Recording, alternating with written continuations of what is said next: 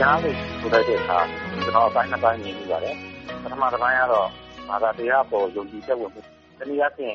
Belief System ဆိုင်တဲ့အပိုင်းလို့မြင်မိပါတယ်။နောက်ထပ်ယုံကြည်ရာအပိုင်းကတော့ဘဝဆောက်တည်ရေးအတွက်တနည်းအားဖြင့် Progression နဲ့ဆိုင်တဲ့အပိုင်းလို့ခွဲခြားမြင်မိပါတယ်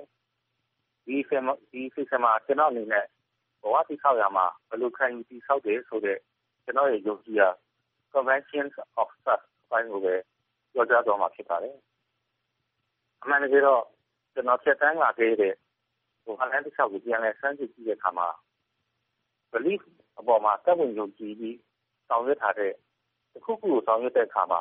ကျိုးကြောင်းဆက်စပ်စဉ်းစားတာ၊ဝေဖန်ဆန်းစစ်သုံးသပ်တာကိုအားသာတယ်လို့ကိုယ့်ကိုယ်ကိုသုံးသပ်ကြည့်မိပါတယ်။ဥပမာငယ်ငယ်ကကျောင်းစတက်တဲ့အရွယ်လောက်ကတည်းကကျောင်းမှာပဲဖြစ်ဖြစ်၊အိမ်မှာပဲဖြစ်ဖြစ်ဆရာ၊ဆရာမတွေ၊မိဘတွေကဘုရားစာတွေသင်ပေးပြီးတော့ ဆုတောင်းမေတ္တာပို့ခိုင်းတာတွေလုပ်တဲ့အခါ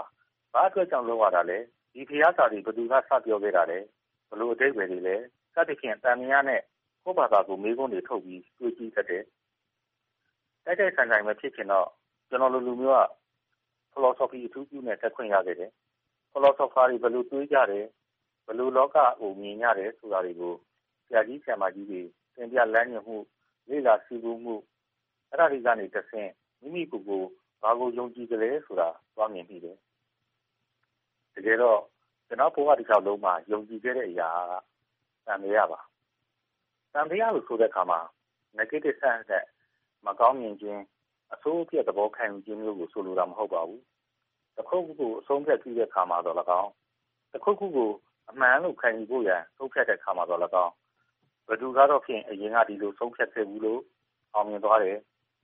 ဘယ်သဘော၊ဘယ်ခံယူချက်ကဖြင့်ဘယ်ပုဂ္ဂိုလ်တွေကပြောခဲ့တာမို့အမှန်လို့ခံယူလက်ခံရမယ်ဆိုတဲ့ Blind Faith လက်ခံတာမျိုးထက်အကြောင်းအကျိုးဆက်စပ်တွေးခြင်း၊ဘယ်လိုအကြောင်းတရားတွေရှိလို့ဘယ်လိုအကျိုးတရားတွေရှိလို့အမှန်ယူဆမယ်ဆိုတဲ့ဆန်းစစ်ဝေဖန်ခြင်းသဘောတွေကိုပြောတာပါ။သံသယဆိုတဲ့အခါမှာတခြားသူရဲ့အမြင်ကိုလက်ခံဖွယ်၊လက်မခံဖွယ်သုံးသပ်ရာမှာလည်းသုံးရသလို မိမိကိုယ်ကို ကိုယ်တိုင်လုပ်ကိုင်ဆောင်ရွက်နေတာတွေ နည်းလမ်းမှန်ရဲ့လား၊တွေးခေါ်ကြံစည်နေတာ ယုတ္တိတန်ရဲ့လားလို့ ပြန်ဆန်းစစ်ကြည့်တဲ့အခါမှာလည်း သံသယနဲ့သုံးရပါတယ်။ Philosophy သင်ကြားရင်းနဲ့ ကျနော် သဘောကျမိခဲ့တဲ့